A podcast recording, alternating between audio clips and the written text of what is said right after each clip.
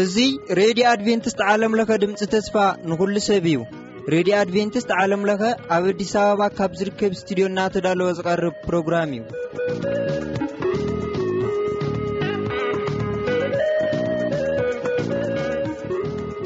እዚ ትከታተሉ ዘለኹም ረድዮኹም ረድዮ ኣድቨንቲስት ዓለም ለኸ ድምጺ ተስፋ ንኹሉ ሰብ እዩ። ሕዚ እቲ ናይ ህይወትና ቀንዲ ቁልፊ ዝኾነ ናይ እግዚኣብሔር ቃል ምዃኑ ኩላትኩም ኣይትዘንግዕዎን። እስቲ ብሓባር እነዳምጽ።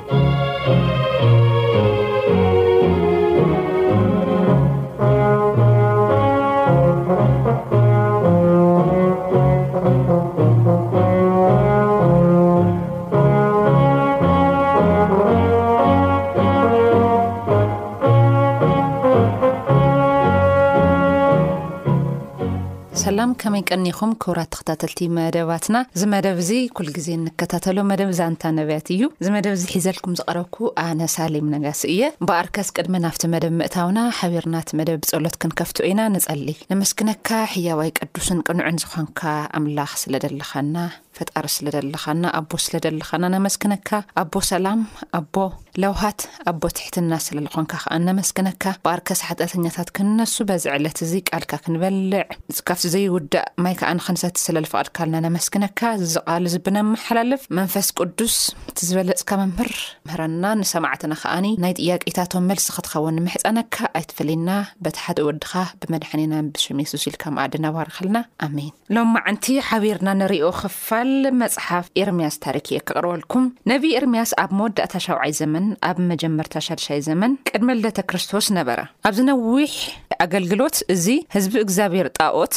ብምምላኾም ሓጢኣት ብምስርሖም ካብ እግዚኣብሔር ከቢድ ጥፍኣት ከም ዝበጽሖም የጠንቅቖም ነበረ። እዚ ዝተናገሮ ትንቢት ክፍጸም እንተሎ ከዓ ብዓይኑ ረኣየ። ኢየሩሳሌም ኣብ ኢድ ናብ ከብደኖጾር ንጉስ ባቢሎን ወደቐት። ኢየሩሳሌምን ቤተ መቕደሳን ዓነወ። ንጉስ ይሁዳ ብዙሓት ህዝቡ ተማሪኾም ናብ ባቢሎን ተወሰዱ። ኣብ ልዕሊ እዚ እውን ኤርምያስ እቲ ህዝቢ ካብ ምርኮ ከም ዝምለስ መንግስቲ እስራኤል ከም ዘቕውም ኣቐዲሙ ተዛረበ። ትንቢት ኤርምያስ ኣብ ሓሙሽተ ክኽፈል ይኽእል። እቲ ቐዳማይ ትንቢት ኤርምያስ ከም ዝተጸውዐ፣ እቲ ኻልኣይ ብዘመን መንግስቲ ኢዮኣስ፣ ኢዮኣቄም፣ ኢዮኮንያን፣ ሰድቅያስ ንህዝቢ ይሁዳን ንመራሕቶም ካብ እግዚኣብሄር ዝተውሃበ ቃል፣ ክልተ፣ እታ ሳልሳይ ናይ ኤርምያስ ጸሓፊ ዝነበረ ባሮክ ዝኣከቦ ዝተፈላለየ ቃል ትንቢት ኣብ ግዜ ኤርምያስ ዝተፈጸሙ ዓበይቲ ነገራት ዝሓዘ ደብተር ናብ ብዙሓት ኣህዛብ ዝተላእከ ቃል ትንቢት ብዛዕባ ውድቀት ኢዮርሳሌም ብምርኮ ናብ ባቢሎን ምኻድ ዝገልጽ ታሪካዊ ጽሑፍ እዩ። ኤርምያስ ንህዝቡ ዘፍቅርን ኣብ ልዕሊ ህዝቡ ናይ ጥፍኣት ፍርዲ ከይንበ ዝስቀቕ ዝነበረ ነብዪ እዩ። እግዚኣብሔር ነብዪ ኮይኑ ከገልግል ምስ ጸውዖ እሞ መከራ ምስ ገጠሞ ብሓዘን ዝተዛረቦ ቃል ኣብዚ መጽሓፍ እዚ ተጻሒፉ ይርከብ። ቃል እግዚኣብሔር ኣብ ልቡ ከም ሓዊ ይነድድ ስለ ዝነበረ ክዓግቶ ኣይክእልን ነበረ። ኣብዚ መጽሓፍ እዚ ተጻሒፉ ዘሎ ቃል ትንቢት ገሊኡ ነቲ መከራ ዝመልኦ ዘመን ኤርምያስ ሰጊሩ፣ ሓድሽ ኪዳን ንህዝቢ እግዚኣብሔር ከም ዝወሃቦ ንሳቶም ድማ ኣብ ልቦም ክጸሓፍ ስለ ዝኾነ በዚ መምህር ከም ዝሕልውዎ ይገልጽ እዚ መጽሓፍ እዚ ሓደ ኤርምያስ ከም ዝተጸውዐ ካልኣይ ከኣ ብዘመን መንግስቲ ኢዮኣስ ኢዮኣቂም ኢዮክያን ሰድቅያስ ዝነበሩ ትንቢታት ትንቢት ይናገር ከም ዝነበረ ኣብ ግዜ ኤርምያስ ዝነበረ ኩነታት ተሳልሳይ ራብዓይ ከኣ ኣብ ልዕሊ ኣህዛብ ዝተነገረ ትንቢት ተሓምሻይ ከኣ ውድቀት ኢየሩሳሌም ትገልጽ እምበኣርከስ ሕጂ ሓቢርና ንሪኦ ከኣ ኤርምያስ ንምንታይ ተጸዊዑ ኸመይከ እግዚኣብሄር መሪጽዎ ዝብል ኢና ክንርኢ። ኣብ ምዕራፍ ሓደ ክጅምር እንከሎ እንታይ ይብል መስለኩም? ካብ ዓሌት እቶም ኣብ ኣናቶት ኣብ ምድሪ ቢንያም ዝነብሩ ካህናት ካብ ኪልቅያስ ዝተወለደ። ኤርምያስ ዝተዛረቦ ቃል ኢዮስያስ ወዲ ኣሞጽ ኣብ ይሁዳ ምስ ነገሰ ኣብ መበል ዓሰርተ ሰለስተ ዓመቱ ቃል እግዚኣብሄር ናብ ኤርምያስ መጸ። ከምኡ ውን ብዘመን ኢዮኣቂም ወዲ ኢዮስያስ ንጉስ ይሁዳ ክስካዕ መወዳእታ መበል ዓሰርተ ዓመት ግዝኣት ሰድቅያስ፣ ወዲ እዮስያስ ንጉስ ይሁዳ ኸዓ እቲ እዮርሳሌም ዝተማረኸትሉ መወዳእታ ሓምሻይ ወርሒ መጸ። ከምዚ ዝብል ቃል እግዚኣብሔር ናባይ መጸ፣ ካብ ከርሲ እኖኻ እንተይሃነጽኩኻ፣ ካብ ማህጸን እንተይወጻእካ ቀደስኩኻ፣ ንኣሕዛብ ነቢይ ገይረካ ኣሎኹ በለኒ። ኣነ ድማ ኣይፋልካን፣ ኦ እግዚኣብሔር ኣምላኸይ፣ ገና ቈልዓ እየ እሞ እንሆ ከመይ ከም ዝዛረብ ኣይፈልጥን እየ በልኩ። እግዚኣብሔር ግና፣ ገና ቈልዓ እየ ኣይትበል፣ ናብቶም ዝለኣኽኩኻ ኵሎም ክትኸይድ ኢኻ፣ እቲ ዅሉ ዝእዝዘካ ድማ ኽትነግር ኢኻ። ኣነ ከድሕነካ እየ፣ ምሳኻ እየ እሞ፣ ኣብ ቅድሚኣቶም ኣይትፍራሕ፣ ይብል እግዚኣብሔር። ሽዑ እግዚኣብሔር ኢዱ ዘርግሐ እሞ ኣፈይ ዳህሰሰኒ፣ እንሆ፣ ኽትዛረብ ዝግበእካ ቃል ኣብ ኣፍካ ኣንቢረ እየ፣ ርኣ፣ ሎሚ ክትብቀስን ክትፈርስን ክትዓኑን ክትግልበጥን ክትንደቕን ክትትከል ኣብ ልዕሊ ህዝብታት መንግስትታት ኣቆምኩኻ ድሕርዚ ኤርምያስ እንታይ ትርኢ ኣለኻ ዝብል ቃል እግዚኣብሔር ናባይ መጽ ኣነ ድማ በትሪ ኦም ለውዝ እርኢ ኣለኹ ኢለ መለስኩ። እግዚኣብሔር ከዓ ጽቡቕ ርኢኻ ንቓለይ ክተግሃሉ ከም ዝፍጸም ክገብሮ እየ እግዚኣብሔር ከዓ ጽቡቕ ርኢኻ ንቓለይ ክተግሃሉ ከም ዝፍጸም ክገብሮ እየ በለኒ ንኻልኣይ ግዜ እንታይ ርኢኻ ዝብል ቃል እግዚኣብሔር ናባይ መጸ ኣነ እውን ገጹ ናብ ሰሜን ኣቢሉ ዝፈልሐ ድስቲ ርኢ ኣለኹ በልኩ ሽዑ እግዚኣብሄር ከምዚ በለኒ፣ ካብ ሰሜን ወገን ኣብዛ ምድሪ ናብ ዚነብሩ ዅሎም ክፉእ ነገር ከውርድ እየ። እንሆ፣ ኣነ ንዅሎም ናብ ሰሜን መንግስትታት ኣህዛብ ክጽውዖም እየ፣ ይብል እግዚኣብሄር። ንሳቶም ከኣ መጺኦም ነፍሲ ወከፍ ኣብ ኣፍ ደገታት ኢየሩሳሌም፣ ኣብ ዙርያ ቐጽራን ኣብ ዙርያ እተን ካልኦት ከተማታት ይሁዳ ዘዝፋኖም ከንብሩ እዮም። ብሰንኪ ሓጢኣቶም ንኣይ ስለ ዝሓደጉ፣ ንኻልኦት ኣማልኽቲ ኸኣ ዕጣን ስለ ዝዓጠኑ፣ ኣእዳዎም ንዝሰርሕዎ ጣኦታት ስለ ዝሰገዱ፣ ፍርደይ ኣብ ልዕሊኣቶም ከንብር እየ። ንስኻ ግና ሕቖኻ ተዓጠቕ፣ ተሲእኻ ኵሉ እቲ ኣነ ዝእዝዘካ ንገሮም። ኣነ ኣብ ቅድሚኣቶም ከየሕፍረካስ፣ ኣብ ቅድሚኣቶም ኣይትፍራሕ። እንሆ፣ ኵሎም ኣብታ ምድሪ ዘለዉ ነገስታት ይሁዳ ሽመኛታት ካህናትን ህዝባን ሎሚ ከም ዝተዓረደት ከተማ ከም ዓውዲ ሓጺን ከም ቕጽሪ ነሃስ ገይረካ ኣሎኹ ክዋግኡኻ እዮም ግና ምእንቲ ምእንቲ ከድሕነካ ኣነ ምሳኻ እየ እሞ ኣይስዕሩኻን እዮም ይብል እግዚኣብሔር በለኒ ሽዑ ቕጽል ኢሉ ታይ ይብል ከምዚ ዝብል ቃል እግዚኣብሔር ድማ ናባይ መጸ ኪድ እሞ ኣብ ኣእዛን የሩሳሌም፣ እግዚኣብሄር ከምዚ ይብል ኣሎ ኢልካ ድምጺ ኣስምዕ፣ ኣብ የሩሳሌም ዝነብሩ ኸምዚ ኢልካ ኣውጀሎም በለኒ። ፍቕሪ ንእስነትክን መርዓት እንተለኺ ኽንደይ ከም ዘፍቀርኩኽን፣ ኣብ ጸምጸም በረኻ ኣብ ዘይዝራእ ሃገርውን ከም ዝተኸልኩኺ፣ ከም ዝተኸተልኪ፣ ኣብ ጸምጸም በረኻ ኣብ ዘይዝራእ ሃገርውን ከም ዝተኸተልክኒ እዝክር ኣሎኹ። እስራኤል ንኣይ ንእግዚኣብሄር ዝተቐደሰ ነበረ፣ ብዅሪ ቀውዒይውን ነበረ። ኵሎም እቶም ዝበልዕዎ ኸም በደልቲ ይቝጸሩ፣ ክፉእ ነገር እውን ኪረኽቦም እዩ፣ ይብል እግዚኣብሄር። ኣቱም ደቂ ያእቆብ፣ ኵልኻትኩም ዓሌት ቤት እስራኤል፣ ቃል እግዚኣብሄር ስምዑ፣ ኣቦታትኩም ካባይ ዝረሓቑ፣ ከንቱ ንዝዀኑ፣ ዝተኸተሉ፣ ንርእሶም ከንቱ ዀይኖም ዝተረፉ፣ እንታይ ጥፍኣት ረኺቦምለይ እዮም? ይብል እግዚኣብሄር። ንሳቶም እቲ ኻብ ሃገር ግብጺ ዘውጽኣና፣ ብምድረ በዳ ዕጽዋን ድንጕርጕርን፣ ብምድሪ ኣጻምእ፣ ብጸልማት በቲ ሓደ እኳ ዘይሓልፎን ሓደ ሰብ እኳ ዘይነብረሉ ምድሪ ዝመርሓና እግዚኣብሔር ኣበይ ኣሎ ኢሎም ኣይጠየቑን ኣነ ድማ ፍሬኣ ሃብታን ምእንቲ ክትበልዑ ናብታ ፈራይት ምድሪ የእተኹኹም ንስኻትኩም ግና ኣብኣ ምስ ኣተኹም ንምድረይ ኣርከስኩምዋ ንርስተይ ኣርከስኩምዋ ካህናት እግዚኣብሔር ኣበይ ኣሎ ኢሎም ኣይጠየቑን መምህራን ሕጊ ድማ ኣይፈለጡን መራሕቲ ህዝቢ እውን ጠለሙኒ ነቢያት ብስም ጣኦት በዓል ተነበዩ ነቶም ከንቱ ዝኾኑ ከዓ ተኸተልዎም ስለዚ ምሳኻትኩም ክከራኸር እየ ምስ ደቂ ደቅኹም ክከራኸር እየ ይብል እግዚኣብሔር ተሳጊርኩም ክስካዕ ደሴት ኪተም ከይድኩም ረኣዩ ክስካዕ ምድሪ ቄዳር ለኣኹ እሞ ኣጸቢቕኩም መርምሩ ቅድሚ እዚ ከምዚ ዝመሰለ ነገር ተጌሩ እንተኾይኑ ተመልከቱ ናይ ብሓቂ ደኣ ኣማለኽቲ ኣይኮኑን እምበር ኣማለኽቲ ዝለወጦ ህዝቢ ዶ ኣሎ ህዝበይ ግና ንኽብሮም ከንቱ ብዝኾነ ለወጡ ህዝበይ ክልተ ክፍኣት ነገራት ገይሮም እዮም እሞ፣ ፈልፋሊ ማይ ህይወት ንዝኾንኩ ንኣይ ሓደጉኒ። ንርእሶም ከዓ ማይ ዘየዕቍር ነቓዕ ሓጽብታት ኲዒቶም እዮም። ኣቱም ሰማያት በዚ ተገረሙ፣ ደንግጹ፣ የመና እውን ራዕራዕ በሉ ይብል እግዚኣብሄር። ብሓቂ እስራኤል ባርያይ ድዩ? ወይ ኣብ ቤት ዝተወለደ ባርያይ ደኾን እዩ? ስለምንታይ ደኣ ንምርኮ ተወፈየ? ሽደናት ኣናብስ ጓዘምሉ፣ ድምጾም ኣስምዑ፣ ንምድሪ ኸዓ ኣዕነው። ከተማታት እውን ተቓጸላ፣ ዝነብረለን እውን የለን። ደቂ ሜምፎስ፣ ጣፋናስ ኣነወሩኽን፣ ኣላገጹልክን፣ እዚ ኹሉ ዝወረደኪ፣ ብቕኑዕ መገዲ ንዝመርሐኪ ንኣይ ንእግዚኣብሄር ኣምላኽ ስለ ዝሓደግክኒዶ ኣይኮነን? ካብ ማይ ሴሆር ክትሰትዪ ብመንገዲ ግብጺ እንታይ ጉዳይ ኣለኪ? ካብ ፈለግ ኤፍራጠስ ማይ ክትሰቲኸስ ብኣሰር መገዲ እንታይ ኣለኪ? ክፍኣትኪ ክግስጸኪ ጥልመትኪ ክዓ ክዘልፈልኪ እየ። ንኣይ ንእግዚኣብሔር ኣምላክ ምሕዳግ ንኣይ ዘይምፍራሕ ክንደይ ክፉእን መሪርን ከም ዝኾነ ፍለጢ ኣስተውዕሊ እውን ይብል ጎይታ ሰራዊት እግዚኣብሔር። ካብ ጥንቲ ጀሚረ ኣርዑትኪ ሰበርኩ መእሰሪኺ እውን በተኽኩ። ንስኺ ግና ኣየገልግልን በልኪ፣ ኣብ ኵሉ በሪኽ ኰረብታታትን ኣብ ትሕቲ ዅሉ ልሙዕ ኣእዋም ከተመንዝሪ ደቀስኪ። ኣነ ከም ሕሩይ ሃረግ ወይኒ ካብ ጽሩይ ዘርኢ ገይረ ተኸልኩኺ። ከመይ ኢልኪ ደኣ ናብ ዲቓላ ሃረግ ወይኒ ተለወጥኪ? ብሽብጢ እኳ እንተ ተሓጸብኪ፣ ብዙሕ ሳምና እውን እንተ ተጠቐምኪ፣ ኣብ ቅድመይ ብሓጢኣትኪ ረኺስኪ ኣለኺ ይብል እግዚኣብሄር። ከመይ ኢልኪ ኢኺ ኣይረኸስኩን ንጣኦት በዓል እውን ኣይተኸተልኩን ትብሊ ዘለኺ? ኣብቲ ለሰ ዘሎ ኣሰር መገድኺ ተመልከቲ፣ ዝገበርክዮ እውን ዘክርይ። ንስኺ ከምታ ኣብዚ ኣብቲን እትፋንን ግመል ኰንኪ፣ ኣብ ምድረ በዳ ካብ ድሌታ ዝኽልክል ከም ዘየለ ኣድጊ በረኻ ዀንኪ። ዝደለይዋ ዅላቶም ኣይደኸሙን፣ ኣብ ወርሓታ ይረኽብዋ። እግርኺ ጥራሑ ካብ ምዃን፣ ጐረርኺ ድማ ካብ ምጽማእ ማይ ከልከልኪ።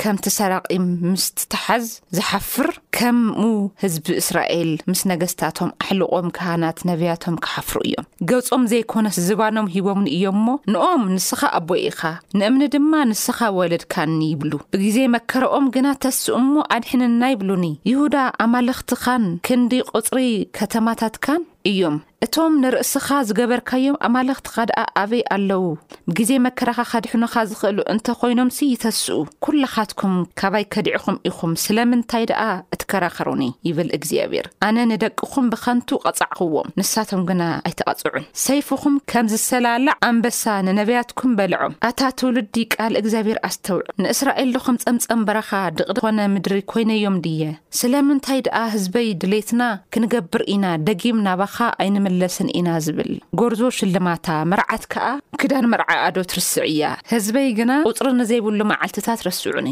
ፍቕሪ ንምድላይ መገድኺ ከመይ ተቕንዒ ኣለኺ ስለዚ ውን ንኽፍኣት ኣንስቲ እኳ መንገድኺ ምሃርክየን ደም ንጹሃት ድኻታት ኣብ ኢድኪ ተረኺቡ ኣሎ ኣብ ልዕሊ እዚኣቶም ብጋህዲ ረኸብክዎ እምበር ብስዉር ደልየ ኣይረኸብክዎን ዝቐተልክዮም ንጹሃት ድኻታት ተጸይቑ እንሆ እዚ ኩሉ ጌርኪ ኣነ ንጽህቲ እየ ብርግጽ ቁጥዓይ ካባይ ተመሊሱ እዩ ትብሊ ኣለኺ ኣነ ግና እንሆ ሓጥያት የብለይን ስለ ዝበልኪ ብፍርዲ ክኸሰኪ እየ ስለምንታይ ብመገድኺ ንምልዋጥ ትጎይ ኣለኺ ከምቲ ብኣሶር ዝተዋረድኪ ብግብጺ ኸዓ ክትዋረዲ ኢኺ፣ ኢድኪ ኣብ ርእስኺ ጌርኪ ክትወጽኢ ኢኺ። ነቶም እትምነዮም እግዚኣብሄር ደርብይዎም እዩ እሞ፣ ብኣኣቶም ኣይቀጽዕክን። ከምቲ ዝበሃል፣ ሰብኣይ ንሰበይቱ እንተ ፈትሐ እሞ ንሳ ካብኡ ከይዳ ካልእ ሰብኣይ እንተ እተወት፣ ብሓቂ እቲ ቐዳማይ ስብኣይ መሊሳዶ ክትእትዎ ትኽእል እታ ሰበይቲ እቲኣ የመና ዝረኸሰት ዶ ኣይኮነትን ንስኺ ግና ምስ ብዙሓት ፈተውቲ መንዚርክስ ናባይ ዶ ክትምለሲ ኢኺ ይብል እግዚኣብሔር ኣዒንትኺ ቋሕ ኣብሊ እሞ ናብ ጫፍ ኮረብታታት ጠምቲ ዘይደቀስክሉ ቦታ ኣበይ ኣሎ ከምቲ ዓረባዊ ኣብ ምድረ በዳ ዝቕመጥ ኣብ መገድኺ ተቐሚጥኪ ትጽበዮም ነበርኪ ብምንዝርናኽን ብኽፍኣትክን ድማ ንምድሪ ኣርከስክያ ብሰንኪ እዚ ሰርቢ ዝናብ ተኸልከለ ዝናብ ጽባሓት ውን ኣይዘነብ ንስኺ ግና ገዝ ኣመንዝራ ስለ ዘለኺ ምሕፋር ኣበኺ ሕዚ ኻዓ እንሆ ኣቦይን ማሓዛ ንእስነተይን ንስኻ ኢኻ ኢልኪ ዶ ትጽውዕኒ እይለኽን ንኹልሻዕ ዶ ይቁጣዕ እዩ ከስካዕ መወዳእታ እውን ክቁጣዕ ድዩ ትብሊ ኣለኺ ግና እንሆ ከስካዕ ዝኣኽለኪ ክፉእ ትገብሪ ኣለኺ እዮስያስ ነጊሱ ኣብ ዝነበረሉ እዋን እግዚኣብሔር ከምዚ በለኒ እዛ ኸዳዕ እስራኤል ዝገበረቶ ዶ ርኢኻ ኩሉ ነዋሕቲ እምባታት ኣብ ትሕቲ ኩሉ ዝለመዐ ኣእዋም ከይዳ ኣመንዘረት። እዚ ኩሉ ምስ ገበረት ከዓ ናባይ ክትምለስ እያ ኢለ ነይረ፣ ግና ኣይተመለሰትን። እታ ጠላሚት ሓፍታ ይሁዳ ከዓ ነዚ ረኣየት። ነዛ ከዳዕ ኢየሩሳሌም ብሰንኪ ዝሙታ ከም ዝፈታሕክዋ ዘመልክት ጽሑፍ እውን ከም ዝሃብክዋ ርእያ፣ እታ ጠላሚት ሓፍታ ይሁዳ ኣይሓፈረትን፣ ከይዳ እውን ከም ዘመንዘረት ረእኹ። ብቕለት ምንዝርናኣ ነታ ምድሪ ኣርከሰታ። ምስ እምንን ምስ ኦምን ከዓ ዘመወት። ምስ እዚ ኹሉ ከዓ እታ ጠላሚት ሓፍታ ይሁዳ ኽትመስል እምበር ብምሉእ ልባ ናባይ ኣይተመለሰትን። ሽዑ እግዚኣብሄር ከምዚ በለኒ፣ ካብታ ጠላሚት ይሁዳ እታ ኸዳዕ እስራኤል ዝሓሸ ጸዲቃ ተረኸበት። ኪድ እሞ ንሰሜን ወገን ነዚ ቃላት እዚኣተን ተናገር፣ በልውን፣ ኣቲ ኸዳዕ እስራኤል ተመለሲ፣ ኣነ መሓሪ እየ እሞ ንዘለኣለም ኣይቈጥዓን እየ እሞ ገጸይ ኣየትርረልክን እየ። ይብል እግዚኣብሔር እምበኣርከስ ንኣይ ንእግዚኣብሔር ኣምላኽኪ ከም ዝጠለምኪ ተኣመኒ፣ ኣብ ትሕቲ ዅሉ ልሙዕ ኣእዋም ንጓኖት ኣማልኽትኪ ትሰግዲ፣ ኣብዚ ኣብቲ ጸፋዕፋዕ ከም ዝበልኪ ቃለይውን ከም ዘይሰማዕኪ ተኣመኒ፣ ይብል እግዚኣብሔር። ኣቱም ጠለምቲ ደቂ፣ ኣነ ጐይታኹም እየ፣ ከካብ ከተማ ሓደ ከካብ ስድራ ቤት ክልተ ኣምጺኣ ናብ ጽዮን ከእትወኩም እየ እሞ፣ ናባይ ተመለሱ ይብል እግዚኣብሔር። ከም ልበይ ዝኾኑ ሓለውቲ ኣባጊዕ ክህበኩም እየ፣ ብፍልጠት ብምስትውዓል ክሕልዉኹም እዮም። በቲ ዘመን እቲ ምስ በዛሕኩም፣ ኣብቲ ምድሪ ኸዓ ምስ ተፋረኹም፣ ብናይ ታቦት ኪዳነይ ኣይዛረቡን፣ ኣይሓስብዎን፣ ኣይዝክርዎን ድማ እዮም፣ ኣየድልዮምንውን እዩ፣ ከም ብሓድሽ ኪዳነይ ታቦት ኣይስራሕን እዩ ይብል እግዚኣብሔር። ሽዑ ኢየሩሳሌም ዝፋን እግዚኣብሔር ክትብሃል እያ። ኵላቶም ከዓ ብስም እግዚኣብሔር ናብ ኢየሩሳሌም ክእከቡ ድሕርዚ ከም ህልኽ ክፍኣት ልቦም ኣይገብሩን እዮም። በተን ወርሓት እቲኣተን ቤት ይሁዳ ምስ ቤት እስራኤል ክኸዱ ሓቢሮም ድማ ካብ ሃገር ሰሜን ናብታ ነቦታትኩም ክወርስዋ ዝሃብዎም ምድሪ ክመጹ እዮም። ኣነ ግና ምስ ብውልድ ገይረ ዝበለጸ ምሩጽ ምድሪ ርስቲ ኣሕዛብ ክህበኪ እየ ኢለ ነበርኩ።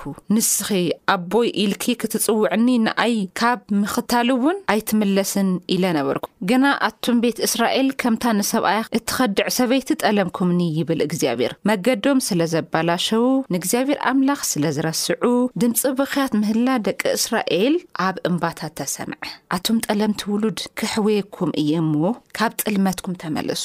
ንስኻትኩም እንሆ ንስኻ እግዚኣብሔር ኣምላኽና ኢኻ እሞ እንሂና ናባኻ እንመጽእ ኣለና ካብቶም ኸሮብታታት ረድኤት ምጽባይ ብሓቂ ኸንቱ እዩ እምባታት ጥቕሚ ዘይብሉ ድምጺ ደኣ ሃቡና ብሓቂ ምድሓን እስራኤል ካብ እግዚኣብሔር ኣምላኽ ዝርከብ ካብ ንእስነትና ጀሚሩ ድኻም ኣቦታትና ኣባጊዖም ኣለሐሞም ኣዋልድን ኣወዳትን ደቆምን ሕፍረት በሊዑሎም እዩ ድምፂ እግዚኣብሔር ኣምላኽና ምስማዕ ስለ ዝኣበና ንሕናን ኣቦታትናን ካብ ንእስነትና ጀሚርና ክስካዕ ሎሚ ንእግዚኣብሔር ኣምላኽ ስለ ዝበደልና ኣብ ሕፍረትና እውን ፈፈው ንብል ነውርና ኸዓ የጎልብበና ኡስራኤል እንተ ተመለስካ ናባይ ደኣ ተመለስ ንርኽሰትካ ካብ ቅድመይ እንተ ኣወጊድካ ሽዑ እግዚኣብሔር ህያው እዩ ኢልካ ብሓቂ ብቕንዕና ብጽድቅን እንተ መሓልካ ኣሕዛብ ከዓ ብእኡ ኽባርኹኻ ብእኡ ድማ ክምክሑ እዮም ይብል እግዚኣብሔር እግዚኣብሔር ንህዝቢ ይሁዳ ኢየሩሳሌም ከምዚ ይብል ኣሎ ጸግእኹም ሕረሱ፣ ኣብ እሾኽኩም ኣይትዝርኡ፣ ኣቱም ሰብ ይሁዳ፣ ኣብ የሩሳሌም ትነብሩ፣ ብሰንኪ ኽፍኣት ግብርኹም ቍጥዔን ከም ሓዊ ኸይነድድ እሞ ሓደ እኳ ከጥፍኦም ከም ዘይክእል ኰይነ ሃልሃል ከይብልሲ ንእግዚኣብሄር ተገረዙ። ናይ ልብኹም ሸለፈት ኣወግዱ፣ ኣብታ ሃገር መለኸት ንፍሑ። ኢልኩም ኣብ ይሁዳ ተናገሩ፣ ኣብ የሩሳሌም ኣውጁ፣ ዓው ኢልኩም ድማ ተኣከቡ እሞ ናብተን ዕሩዳት ከተማታት ንእቶ ኢልኩም ንገሩ፣ ኣብ ሰሜን መዓት ዓብዪ ጥፍኣት ከምጽእ እየ እሞ ናብ ጽዮን ኣቢሉ ዝምልከት ሰንደቕ ዕላማ ትኸሉ፣ መጸግዒ ድለዩ፣ ኣይትደንጉዩ፣ ኣንበሳ ከም ጸምጸም ዱር ወጺኡ ኣሎ፣ ነህዛብ ዘዝምትውን ተሲኡ ኣሎ፣ ንምድርኺ ባድማ ክገብር ድማ ካብ ስፍርኡ ወጺኡ ኣሎ፣ ከተማታትኪ ከዓ ሓደ እኳ ዝነብረለን ክስካዕ ዝሰኣን ክዓንዋ እየን። እምበኣር እቲ ዝነድድ ቁጥዐ እግዚኣብሔር ካባና ኣይተመልሰን እዩ እሞ ክሊ ተኸደኑ ኣልቅሱ ዋይ ዋይ ድማ በሉ። በታ መዓልቲ እቲኣ ንነገስታት ንመኳንንቲ ልቦም ክጠልሞም ካህናት ክድንግጹ ነቢያት ክድንጹ እዮም ይብል እግዚኣብሔር። ሽዑ ኣነ ኣታ እግዚኣብሔር ኣምላኽ ሰይፊ ክስካዕ ነፍስና በጺሑ እንተሎስ ደሓን ኢኹም ብምባልካ ነዚ ህዝቢ እዚ ንእየሩሳሌም ብርግጽ ጠበርካዮ በልኩ። በቲ ዘመን እቲ ነዚ ህዝቢ እዚ ንእየሩሳሌም ከምዚ ክበሃል እዩ፣ ዝቃጸል ነፍሲ ካብ በረኸት ምድረ በዳ ናብ ጓል ህዝበይ ክመጽእ እዩ፣ ግና ንምምንዛረን ዝኸውን ኣይኮነን። እቲ ኻባይ ዝመጽእ ንፋስ ካብ የመና ዝበርትዐ ኪኸውን እዩ፣ ኣነ እውን ሕዚ ፍርደይ ክነግሮም እየ። እንሆ፣ ከም ደበና ዀይኑ ይመጽእ ኣሎ፣ ሰረገላታት ከም ኣውሎ ንፋስ እዮም፣ ኣፍራስ ከም ንስሪ ይቕልጥፍ። ጠፊእና ኢና እሞ፣ ወይለና! ኣቲ ኢየሩሳሌም ምእንቲ ኽትድሕንስ፣ ልብኺ ኻብ ክፍኣት ሕጸቢ፣ ክስካዕ መኣዝ ኢኺ ክፉእ ሓሳብ ኣብ ውሽጥኺ ዚነብር? ካብ ዳን ድምጺ ይስማዕ ካብ እምባታት እፍሬም ናይ መከራ ወራ ይውረ ኣሎ። እንሆ ካብ ርሑቕ ሃገር ዝኸብብ ሰራዊት ይመጽእ ኣሎ፣ ንኸተማታት ይሁዳ ከኣ ይፍክሩለን ኣለዉ ኢልኩም ንኣህዛበይ ንገርዎም፣ ንእስራኤል ኣፍልጡ፣ ንኢየሩሳሌም ኣፍልጥዋ፣ ንኣይ ስለ ዝተጻረረት ከም ሓለውቲ ግራት ኰይኖም ብዅሉ ወገና ይኸብብዋ ኣለዉ። ኦ ይሁዳ፣ ነዚ ኣብ ልዕሌኺ ከም ዝወርድ ዝገበረ ኣካይዳ ግብርኽን ኣዝዩ መሪር እዩ እሞ፣ ናብ ልብኺ ይበጽሕ። ኣምዑተይ ኣምዑተይ ልበይ የመና ሓሚሙ ኣሎ ብውሽጠይ ልበይ ተሃዊኹ ኢዩ ኦ ነፍሰይ ድምጺ መለኸት ህማም ውግእ ትሰምዕ ኣለኽ እሞ ሱቕ ክብል ኣይክእልን ጥፍኣት ኣብ ርእሲ ጥፍኣት ይወርድ ኣሎ ኩላ እታ ሃገር ዓንያ ኢያ ድንኳናታን ብድንገት መጋረጃታታ ድማ ከም ቅጽበት ዓይኒ ጠፍኣ ክስከዓ መዓዝ ኢዩ ዕላምኡ ዘርኢ ድምጺ መለኸት ዘስምዕ ህዝበይ ዓያሹ እዮም እሞ ንኣይ ኣይፈለጡንን ዱንዙዛት ደቂ እዮም እሞ ምስትውዓል የብሎምን ክፉእ ንምግባር ጥበበኛታት እዮም ሰናይ ንምግባር ግን ኣይፈልጡን እዮም ይብል ዝመጽሓፍ እምበኣርከስ ነቢ ኤርምያስ ንዞም ከምዚ ዝገበሩ ሰባት ዝተልኣኸ ነብዩ ነይሩ ኣንሕና ብዘመና ከዓኒ ከምዚ ዓይነት ተግባራት እዩ ዝትግበር ባርከት ዝቃል እዚ ንከታተሎ ደለና ኣብ ዝተፈላለየ ዓለም እግዚኣብሔር ኣይእዘዝን ዝበሉ ከተማታት ታይ ታይ ይኮኑ ከም ደለዉ ንሪኦም ኣለና ብዙሓት ከተማታት ሓንቲ ኣብ ኣሜርካ ትርከብ ብሓዊ ቃፀሎ ጠፊኣ እያ ኣብ ንበዓል ብራዚል ዝግበር ደሎ ቃፀሎ ልረ ንሪኦ ኣለና እንድሕር ንእግዚኣብሔር ኣይንእዘዝ እንተይልና እግዚኣብሔር ከኣ ይቀፅዕ እዩ ግን እግዚኣብሔር ቅድሚ ምስንዛሩ ናይ ምሕረት ኣምላኽ እዩ እንተ ተተመሊስና እግዚኣብሔር እውን ዝምሕር ኣምላኽ እዩ ስለዚ ናብ ልምሕር ኣምላኽ ክንኸይድ ክንእዘዞ ካብ ክፍኣት ክንምለስ እሱን ካብ ዘይደልዩ ቦታ ክንወፅእ ጣኦት ክነምልኽ የብልናን እሱን ንሱን ጥራሕ ኢና ከነምልኽ ደለና ካልኦት ኣብ ናይ ምድሓን መንገዲ ክነቕምጦም የብልናን እግዚኣብሔር በዓሉ እንታይ እዩ በፃሒ እዩ ስለዚ እንታይ ይብል ካብቶም ኩሎም ኣትኹሞም ደለኹም ዓዘቕቲ እዚ ሓደ መዓልትስ ፅቡቕ ንክገብሩስ ናባይ ተመለሱ ኢልዎም ካሊእ ይኹን ይጠይቕዎም ስለዚ እዚ ንወዲ ዝንጌርና ሕዋት ዝሰማዕኹሞ ታሪክ ዝሰማዕኩሞ ብነብዪ ኤርምያስ ዝተነገረ ካብ እግዚኣብሔር ዝመጸ ቓል ነዚ ህዝቢ እዚ ድሕሪ ክንደይ ግዜ እዮም ተቐቢሎሞ ንክቕበልዎ ግን ብዙሕ ጸገም እቲ ኢሎም ዝነበሩ ንእምንን ንኦምን ንተራ ነገርን ከም ኣምላኽ ቆጺሮም ንዘይምሕር ነገር ቦታ ሂቦሞ ስለዘንሕና ካብዚ ነገር ዝወጺና እግዚኣብሔር ክነኽብር እግዚኣብሔር ከኽብርለይ ይኽእል ነገር ንገብር ኣለና ተኾይና እውን እግዚኣብሔር ምስትውዓል ንኸበና ክንጥይቕ ይግበአና ብዘይካ ንሱ ካልእ ናይ ምሕረት ኣምላኽን ናይ ምሕረት መንገድን የለን እዚ ንእውጅ እዚ ንነግር ብኣርከስ ዝመደብ ዝን ዝተኸታተልኩም ወገናትናን ሕዋትናን ኩላኻትኩም እግዚኣብሔር ኣምላኽ ኣዝዩ ይባረኽኩም ጥያቄን ሓሳብን ብዝህለይኩም ብስልኪ ቁፅርና ባዶ 98945 ብፖስታ ሳፅን ቁፅሪ 145 ኢልኩም ሓሳብኩምን ጥያቄኹምን ክተቕርቡልና ትኽእሉ ኢኹም ሰናይ ገና